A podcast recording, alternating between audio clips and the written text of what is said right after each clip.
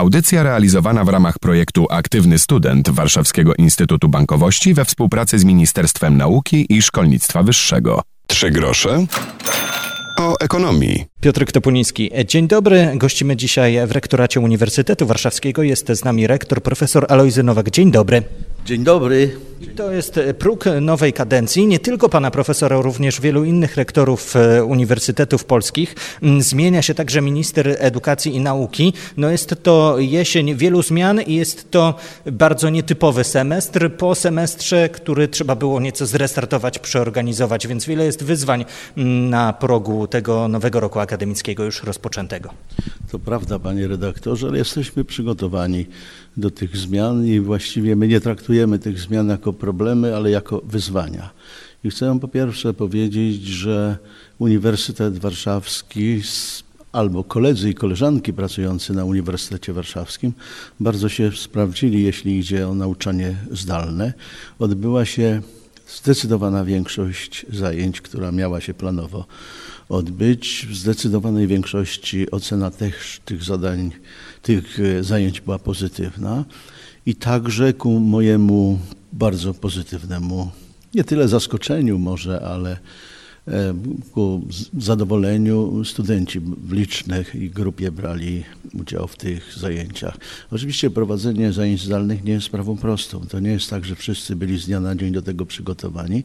Trzeba było się przygotować, ale w rezultacie spowodowało to, my tak nazywamy na Uniwersytecie Warszawskim, podniesienie kultury technicznej. Z jednej strony i prowadzenia zajęć, i obsługi także technicznej programów e, studiów, e, tych prezentacji, wykładów, e, a także odbiór studentów. No, mam nadzieję, że studenci poza wysłuchaniem wykładów także sięgnęli do książek, do podręczników i korzystali może nie tyle z bibliotek, ale z wypożyczalni w bibliotekach, jeśli nie było sprzętu elektronicznego i wspólnie jakoś ten semestr przerobiliśmy.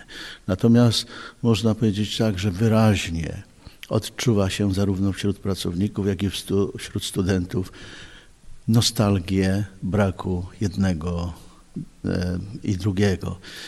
Pokazała się piękna rzecz, powiedziałbym, uniwersytecka, która jest cechą uniwersyteckości, a mianowicie tęsknota człowieka za człowiekiem. Byliśmy bardzo mocno przygotowani i oczekiwaliśmy, że ten semestr jesienny, o którym Pan właśnie mówi, będzie prowadzony już w inny sposób, to znaczy, że będzie więcej mm, zajęć w realu, jeśli tak można powiedzieć. No ale jak się okazało, prognozy i liczba zachorowań jest tak duża, że w gruncie rzeczy nie zdecydowaliśmy się na prowadzenie zajęć w realu, tylko nieliczne zajęcia, w zdecydowanej mierze będziemy znowu zdalnie uczyć. Ale jak to jest, e, że w szkołach wróciliśmy? E, tutaj Ministerstwo Nauki mówiło, że decyzja należy do rektorów, bo mamy mm, autonomię. I wy jednak Państwo zdecydowaliście się w dużej większości w całej Polsce na e, kształcenie zdalne. Jakie argumenty przeważyły w tym takim długoterminowym planowaniu? Bo widać, że szkoły niektóre muszą teraz po otwarciu zdecydować się znów na to znane już zdalne nauczanie. A tutaj e, wiele uczelni od razu powiedziało, nie, nie decydujemy się przynajmniej w tym semestrze. Myśli Pan, rozumiem, o szkołach podstawowych i o szkołach średnich. No ja myślę, że jest jednak różnica pomiędzy szkołami e, podstawowymi szkołami średnimi i nie, rzecz nie dotyczy tylko wieku, ale jeśli pan popatrzy na Uniwersytet Warszawski, to mówimy, mamy 45 tysięcy studentów, około 45 tysięcy studentów i około 2,5 tysiąca doktorantów. To jest ogromna liczba. Nie ma żadnej w Polsce ani na świecie takiej szkoły, która by miała tylu uczniów. W związku z tym problem zarządzania, jest zdecydowanie bardziej skomplikowany. To po pierwsze. A po drugie powiedziałbym tak, że chyba wtedy, kiedy trwały przygotowania do podjęcia zajęć szkolnych, czyli sierpień to był, ja już nie mówię, czy to początek, czy środek sierpnia, nie było jednak takich przewidywań, że nastąpi taka silna druga fala, powrót e, pandemii.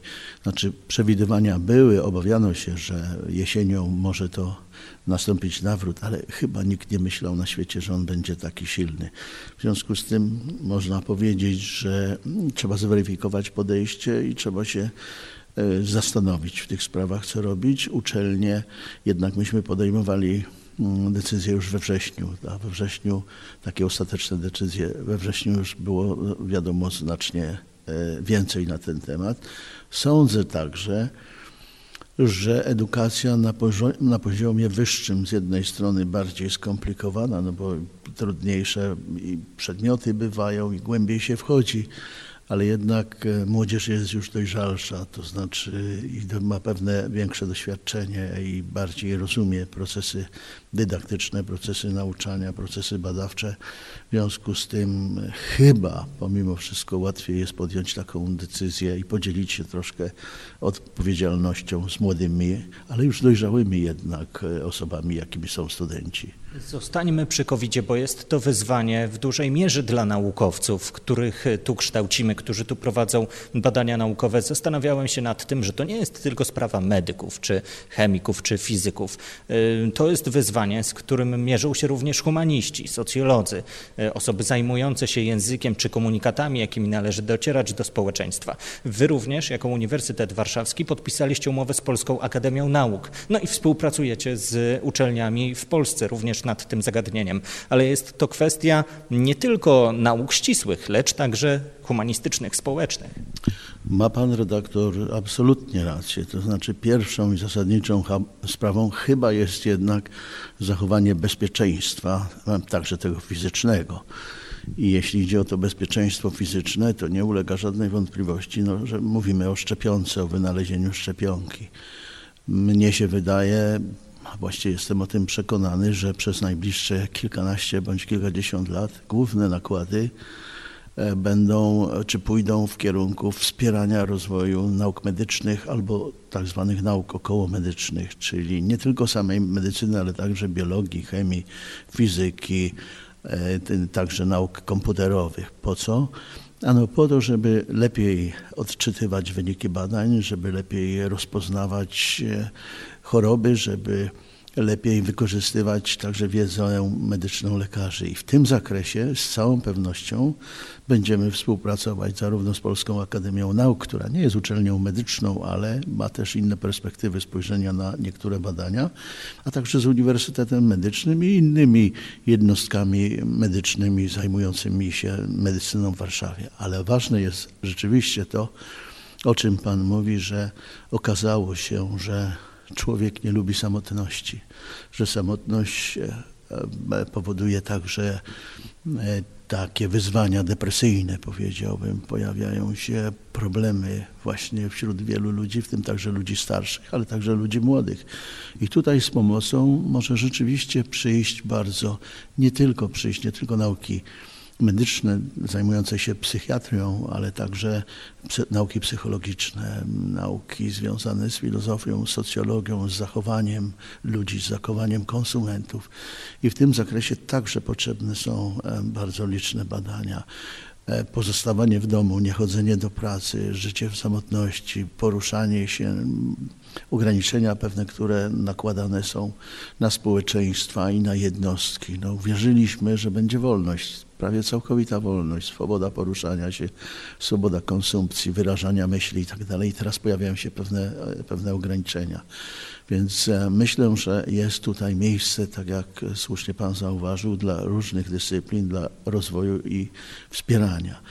My także na Uniwersytecie Warszawskim tworzymy takie ośrodki. Wydział Psychologii zwrócił się do mnie o wzmocnienie jeszcze tego ośrodka, który moi koledzy już wcześniej stworzyli, takiej pomocy psychologicznej dla studentów, ale także dla pracowników e, Uniwersytetu Warszawskiego. Czyli można powiedzieć tak, że bez wątpienia COVID, który jest zagrożeniem, jest pewnym nieszczęściem dla ludzkości. To jest ten słynny czarny łabędź, którego nikt nie przewidział i który się pojawił i który dotyczy wszystkich, biednych, bogatych, średnich. No, mamy przykład prezydenta Stanów Zjednoczonych, który z całą pewnością był zabezpieczony w różny sposób przed tym, aby ustrzec się od, od COVID-u. Nie ustrzegł się. Mamy przykład premiera Wielkiej Brytanii i tak dalej, czyli wszystkich nas to dotyka ale sądzę, że ma też pewne zalety. To, na tą jedną próbowałem wskazać, że wreszcie zrozumieliśmy, że w takim zatomizowanym świecie, oddzielnym, każdy dla siebie, nie bardzo się żyje w, w rzeczywistości, a przynajmniej w dłuższej perspektywie. Ale zrozumie, czyli zrozumieliśmy to, że jesteśmy sobie potrzebni, ale zrozumieliśmy także jeszcze jedną, że taki podział nauk na dyscypliny, poddyscypliny chyba nie był dobry i nie powinniśmy pójść e, w tym kierunku, że jednak trzeba patrzeć bardziej globalnie, bardziej całościowo, rozwijać się równomiernie, tak jak to przyroda albo o przyrodzie mówimy, jak o ochronie środowiska, że powinna się tak rozwijać. Czyli wierzę, że przy dużej świadomości kolegów i koleżanek, ale także studentów, doktorantów, ten okres post-covidowy będzie polegał na takiej dużej interdyscyplinarności, moglibyśmy powiedzieć, mieszaninie nauk z różnych dyscyplin. By badania prowadzić, potrzebne są pieniądze, a kto pieniędzmi się zajmuje nie lepiej jak były dziekan Wydziału Zarządzania UW. Zapytam teraz e, o współpracę zagraniczną, ale wcześniej o to, jak sprawić, by uczelnia była nie tylko miejscem, w którym, e, z którego wypuszcza się pracowników, ale także pracodawców, o czym mówił pan rektor niedawno podczas inauguracji. Co zrobić, by ta współpraca z biznesem również nie była przedzielona pewną granicą, jak nauki, są, a powinniśmy patrzeć interdyscyplinarnie, a sprawić, żeby nauka z tym biznesem jednak lepiej nam zagrała? To jest super pytanie. Odpowiedź na to nie jest łatwa. Pytanie jest łatwe, ważne, które pan redaktor zadał, ale odpowiedź nie jest łatwa, choć obserwujemy bardzo znaczący progres. Na wydziale było prościej, bo Byłem dziekanem Wydziału Biznesowego, gdzie także nastawienie kolegów, koleżanek, studentów było w pewnym sensie biznesowe. Uniwersytet jest takim organizmem bardziej skomplikowanym. Ale wielu by się zapewne zdziwiło, że sukces także w biznesie odnoszą studenci albo absolwenci wywodzący się z wydziałów niebiznesowych, od na przykład z Wydziału Nauk Politycznych i Stosunków Międzynarodowych, z matematyki i informatyki, z fizyki, z chemii, prawda? Nawet z bardzo takich humanistycznych, jak nauki, jak, jak historia czy, e, czy, czy neofilologia, nie mówiąc już o filozofii, o socjologii. Ja myślę, że w ostatnich latach dokonał się bardzo duży progres w rozumieniu jednych przez drugich. To znaczy staliśmy, sobie, staliśmy się sobie bliżsi, bliżsi, o tak bym powiedział. To znaczy ci, którzy pracują w biznesie i ci, którzy pracują na uczelniach. To prawdopodobnie jest rezultatem tego, że zarówno znakomici absolwenci, czy bardzo dobrzy absolwenci, pracują w biznesie i pracują na uczelniach, są kolegami, koleżankami, pamiętają się ze studiów, mają do siebie zaufanie, że ten, kto poszedł do biznesu, wcale nie musiał uzyskiwać gorszych ocen, przeszedł poważny konkurs, żeby przyjęto go do pracy na stanowisko najpierw dyrektora, później wiceprezesa, członka zarządu i prezesa i tak dalej. Pamięta swoich kolegów e, z akademika, z różnych miejsc, że robili różnego rodzaju interesy, wychodzili w takim pozytywnym znaczeniu, wyjeżdżali za granicę, studiowali za granicą. To się zbliża. Ale także to, że Europa została otwarta, to znaczy, że świat zobaczył, biznesu i świat nauki, że prezydent czy rektor Uniwersytetu Monachijskiego może być doradcą e, prezesa zarządu firmy, że może być w radach nadzorczych, że prezydent MIT funkcjonuje podobnie, że pomagał przy zakładaniu startupów, że e, prezydent czy prowost Uniwersytetu w Cambridge funkcjonuje. W związku z tym myśmy niejako odczarowali jedni drugich, to znaczy zrozumieliśmy, że coś, co nazywałoby się kompletnie czystą nauką, istniejącą w pewnej próżni, coś takiego już w rzeczywistości nie istnieje. My zrozumieliśmy także, że ci, którzy zajmują się gospodarką, ekonomiści, ludzie od zarządzania, prawnicy, że dla nich laboratorium, tak jak dla fizyków, jest to takie w pokoju ustawione laboratorium, czy gdzieś tam, to dla nich tym laboratorium jest gospodarka. Pewnie nastąpiłoby też zdziwienie, gdybym powiedział, pamiętam jak w Stanach byłem na stypendium i wysłano mnie na taki trzymiesięczny kurs bankowości i tutaj dzieliłem się uwagami na, ostatnio na Wydziale Fizyki. 90% osób, które tam były na tym kursie trzymiesięcznym, to byli absolwenci fizyki. Okazało się, że dobry background matematyczny, analityczny pomaga także w bankowości. Ale jest jeszcze jeden element. Okazało się, że wiele osób spośród, wywodzących się spośród różnych wydziałów Uniwersytetu e, Warszawskiego e, sprawdza się także w, w biznesie. Mam na przykład na myśli panią profesor Kozłowską Hyłę, która jest w tej chwili prezesem PZU USA, prawnikiem z, z wykształcenia. W związku z tym w sensie zawodowym to jest największy sukces, jaki można osiągnąć, być szefem takiego koncernu. Wielu tych ludzi, którzy pracują w zarządach, którzy są dyrektorami, którzy są współwłaścicielami dużych firm, chciałoby się też podzielić i chce się podzielić swoją wiedzą z uniwersytetem czy z innymi uczelniami, z własnymi alma mater. To podzielenie się polega na tym, że są zainteresowani przyjmowaniem na staże studentów, że są przyjmowani, e, zainteresowani przyjmowaniem na praktyki studentów. Widzą, że studenci mają dobry background, że szybko dostosują, dostosowują się do rzeczywistości. Chcą bardziej wchodzić, w związku z tym fundują stypendia, fundują staże, płatne stypendia, płatne staże nam się udaje, teraz udaje się, no to jest rezultat pewnej pracy i zaufania, czy ktoś coś osiągnął jeszcze. Tak się składa, że ja z biznesem jestem związany od lat i to przez to, że jestem w radach nadzorczych i że jestem w radach różnych konsultacyjnych, że doradam prezesom firm. W związku z tym, po pierwsze, jest mi łatwiej rozmawiać z tymi prezesami, po drugie, uważam, że to właśnie może pomóc uniwersytetowi, może pomóc przede wszystkim studentom, ale także samemu uniwersytetowi, bo jestem blisko przed podpisaniem kilku przynajmniej, a wierzę, że w ciągu pół roku kilkunastu umów o współpracy strategicznej z największymi firmami funkcjonującymi na rynku w Polsce. W rezultacie część środków pieniężnych e, e, wynikających z podpisanych umów przeznaczone będzie na badania, część środków przeznaczone będzie na staże, część środków przeznaczone będzie na zaproszenie studentów czy pracowników z zagranicy. Marzy mi się także, żeby firmy, tak jak to jest na świecie, tworzyły także katedry i żeby dbały katedry badawcze takie żeby dbały przez powiedzmy 10-15 lat o finansowanie e, e, badań i rozwoju tych badań. Oczywiście nie wszystkie środki, nie ma się co łudzić, że wszystkie środki mogą pochodzić z firm czy z biznesu i także nie chcielibyśmy chyba, ponieważ zależy nam także na niezależności nauki prowadzonych badań. I szczerze mówiąc, jak lata upływają, to uważam, że taką niezależność najbardziej mogą finansować środki pochodzące z budżetu, które są takie niedokładnie doprecyzowane, czyli e, środki od e, podatnika.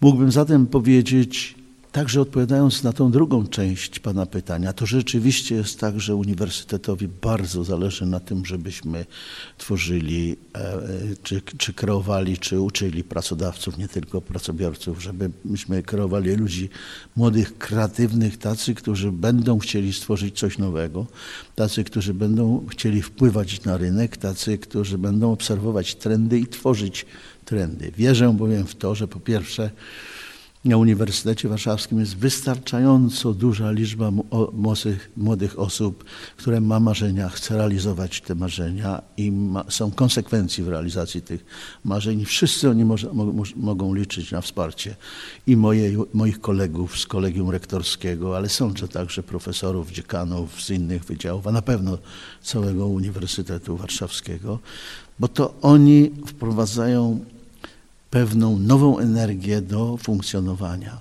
Ona jest nam bardzo potrzebna.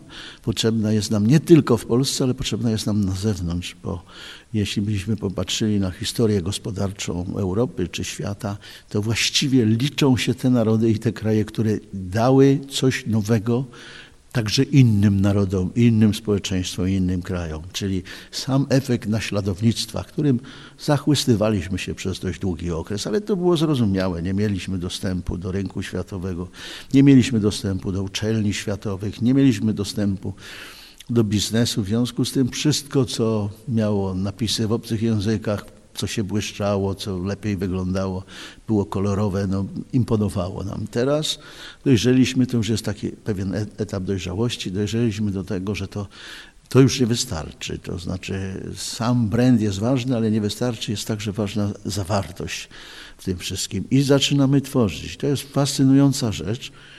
Ale także jest to rezultatem wymiany studentów tych e, w ramach Erasmusa, w ramach porozumień dwustronnych. To znaczy wykształciliśmy już w ten sposób kilkaset tysięcy młodych ludzi. W związku z tym ten kapitał intelektualny jest potężny. Trzeba teraz to jakoś pomóc uformować, pomóc zorganizować, pomóc we wspieraniu finansowym, no bo to te początkowa, ta początkowa faza polega także na takim wspieraniu finansowym i można powiedzieć za danym Rodrykiem z, z, Harvard Business School czy z Harvard University powiedzieliśmy, że tworzy się pewien bukiet taki, gdzie jest taki wysyp właśnie tych młodych ludzi ze swoimi nadziejami, ze swoimi oczekiwaniami, ze swoimi marzeniami. Część tych marzeń będzie zrealizowana niemal natychmiast. Ich rynek przyjmie będą się rozwijać, tak jak było przy tworzeniu Google'a, Google i, i, i tak dalej. Część pewnie odpadnie, ale warto wszystkich ich wspierać, warto wszystkim dać szansę. Rynek i to zewnętrzne otoczenie oceni, co jest dobre, ale pierwsze wsparcie musi być. I nawet jeśli będą straty, i nawet jeśli część kredytów nie zostanie zwrócona, subwencji nie zostanie zwrócona, to wszystko to, co się uzyska za ten kwiat, taki, który się rozwinie i który w postaci podatków z powrotem wróci do systemu finansowego, z nawiązką e, wyrówna te wszystkie ewentualne czy potencjalne straty, które były poniesione na te, na te wstępne inwestycje. I taki mi się uniwersytet marzy. Startując w wyborach rektorskich, to prezentowałem. E, mniej więcej, to mm, okazuje się, że zyskało większość, że młodzi ludzie, także studenci, którzy na mnie głosowali, ale także pracownicy, czy to pracownicy naukowi, czy pracownicy na, na administracyjni, sądzę, że tego oczekiwali, czyli nie jest nam potrzebna nerwowość, nie, jest nam, nie są nam potrzebne jakieś rewolucyjne zmiany, ale potrzebne jest no, takie spojrzenie z taką szerszą perspektywą. To na koniec jeszcze jeden ostatni aspekt, y, nie tylko nauka, lecz także sport. Y, liczy się y, na arenie polskiej, światowej, międzynarodowej. Mm, często widzowie transmisji nie zdają sobie sprawy z tego, że oglądamy znanego zawodnika, zawodniczkę z medalem, a to jest absolwentka, absolwent uczelni AZS-u UW, AZS-u innych różnych uczelni w kraju. AZS ma się czym pochwalić i to też jest pewien potencjał. No tak się składa, jak być może pan redaktor wie, że ja od kilkunastu już chyba lat jestem prezesem AZS-u na Uniwersytecie Warszawskim. Już kilka lat jestem, jestem prezesem Akademickiego Związku Sportowego w Polsce. Sport jest mi bardzo bliski. W młodości, w szkole średniej, czy to już chyba na koniec podstawówki, byłem bardzo czynnym sportowcem, nawet ze sporymi osiągnięciami na Mistrzostwach Polski i na Mistrzostwach Europy. E, wróciłem do sportu nie w takiej fazie młodości później, ale w fazie dojrzałości. Jakoś koledzy, którzy pamiętali mnie jeszcze wtedy, kiedy byłem czynnym zawodnikiem i oni też byli. A co to był za sport? Ja biegałem, biegałem 400, 800 i 1500 metrów. No tak, tak to było.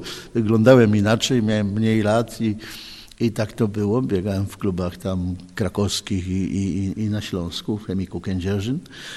Ten powrót do sportu okazał się w tym sensie szczęśliwy, że no od paru lat e, Uniwersytet Warszawski, właściwie od parunastu lat zajmuje e, pierwsze miejsce w Polsce jako najbardziej usportowiona e, uczelnia. Walczymy, naszym takim sympatycznym przeciwnikiem przez lata była AGH, Akademia Górnicza Hutnicza z Krakowa, także inne uczelnie, ale głównie my walczymy o to pierwsze, e, pierwsze miejsce. Jesteśmy raz na, z reguły na pierwszym, ale bywa też, że jesteśmy na, na, na drugim. E, jako prezes e, Akademickiego Związku Sportowego dbam o dwie rzeczy, a mianowicie o, głównie o wsparcie uczelni i o wsparcie także zawodników, którzy e, są w AZS-ie, a mamy tych zawodników prawie 50 tysięcy, czyli to jest silna drużyna. E, AZS-owcy, AZS-iacy zdobywają medale na Mistrzostwach Europy, na Mistrzostwach Świata, mamy mistrzów olimpijskich.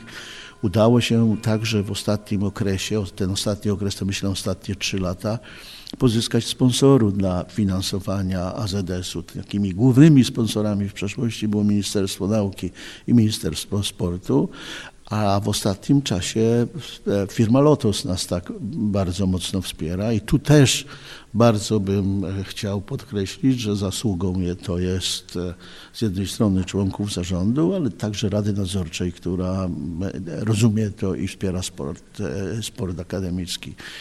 Jestem bowiem przekonany, to znaczy, że E, sport jest e, najfantastyczniejszą rzeczą po to, żeby łączyć biznes, po to, żeby łączyć naukę z tak zwanym światem zewnętrznym.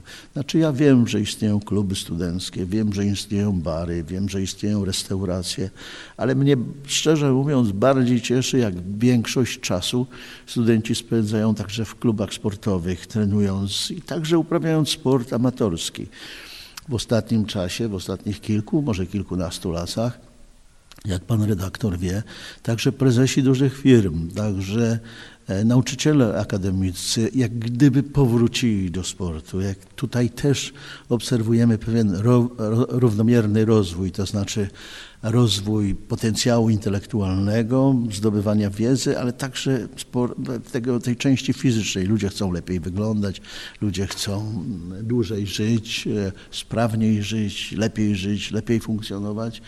Więc ten sport daje szansę zapoznania jednych przez drugich. To znaczy, jest mi sobie trudno wyobrazić, żeby prezes firmy e, nie wspierał studenta, z którym gra w piłkę nożną, albo w koszykówkę, albo squash, albo coś innego, żeby się nie dogadali na temat swojej współpracy, żeby profesor akademicki nie zwrócił uwagi na studenta czy studentkę, która mm, jest sprawna i która regularnie przychodzi do sali sportowej czy na boiska sportowe uprawiać sport. To pokazuje, sport pokazuje pewne cechy człowieka, które można wykształcić, które się nabywa, a mianowicie przede wszystkim pasję, cierpliwość e, do realizacji jakichś zadań, także umiejętność pokonywania przeszkód, umiejętność radości ze zwycięstwa, ale także umiejętność podnoszenia się z porażki. Jakbyśmy to porównali z biznesem, czy także z nauką, z uprawianiem nauki. To umiejętność podnoszenia się z porażki jest sprawą bardzo ważną, bo to nie jest tak, że zawsze jesteśmy wszyscy nastawieni na sukces, że ten sukces czasami buduje się z takich, czy schody buduje się z bel różnych rozwalonych takich. Sztuka jest, żeby się podnieść i zbudować. Są tacy, którzy, jest ich mało, którzy mają szczęście od początku istnienia do końca, ale zdecydowana większość jednak ma to szczęście takie e, mieszane. Sport bardzo e, nam pomaga i ja bardzo się cieszę, że na Uniwersytecie Warszawskim, także za czasów moich, moich poprzedników ten sport był stał wysoko, był rozpoznawalny, był, był wspierany i z całą pewnością ja także będę wspierał sport akademicki na Uniwersytecie Warszawskim i ten ogólnopolski, no, z którymi to organizacjami obydwoma jestem związany. W takim razie po wylogowaniu się z zajęć idziemy na bieżnie. Bądźcie aktywnymi studentami. Profesor Alojzy Nowak, rektor Uniwersytetu Warszawskiego, dziękuję za to spotkanie. Bardzo dziękuję i rzeczywiście zapraszam e, do uprawiania sportu akademickiego. Piotr Topoliński, do usłyszenia w kolejnej audycji. Audycja realizowana w ramach projektu Aktywny Student Warszawskiego Instytutu Bankowości we współpracy z Ministerstwem Nauki i Szkolnictwa Wyższego.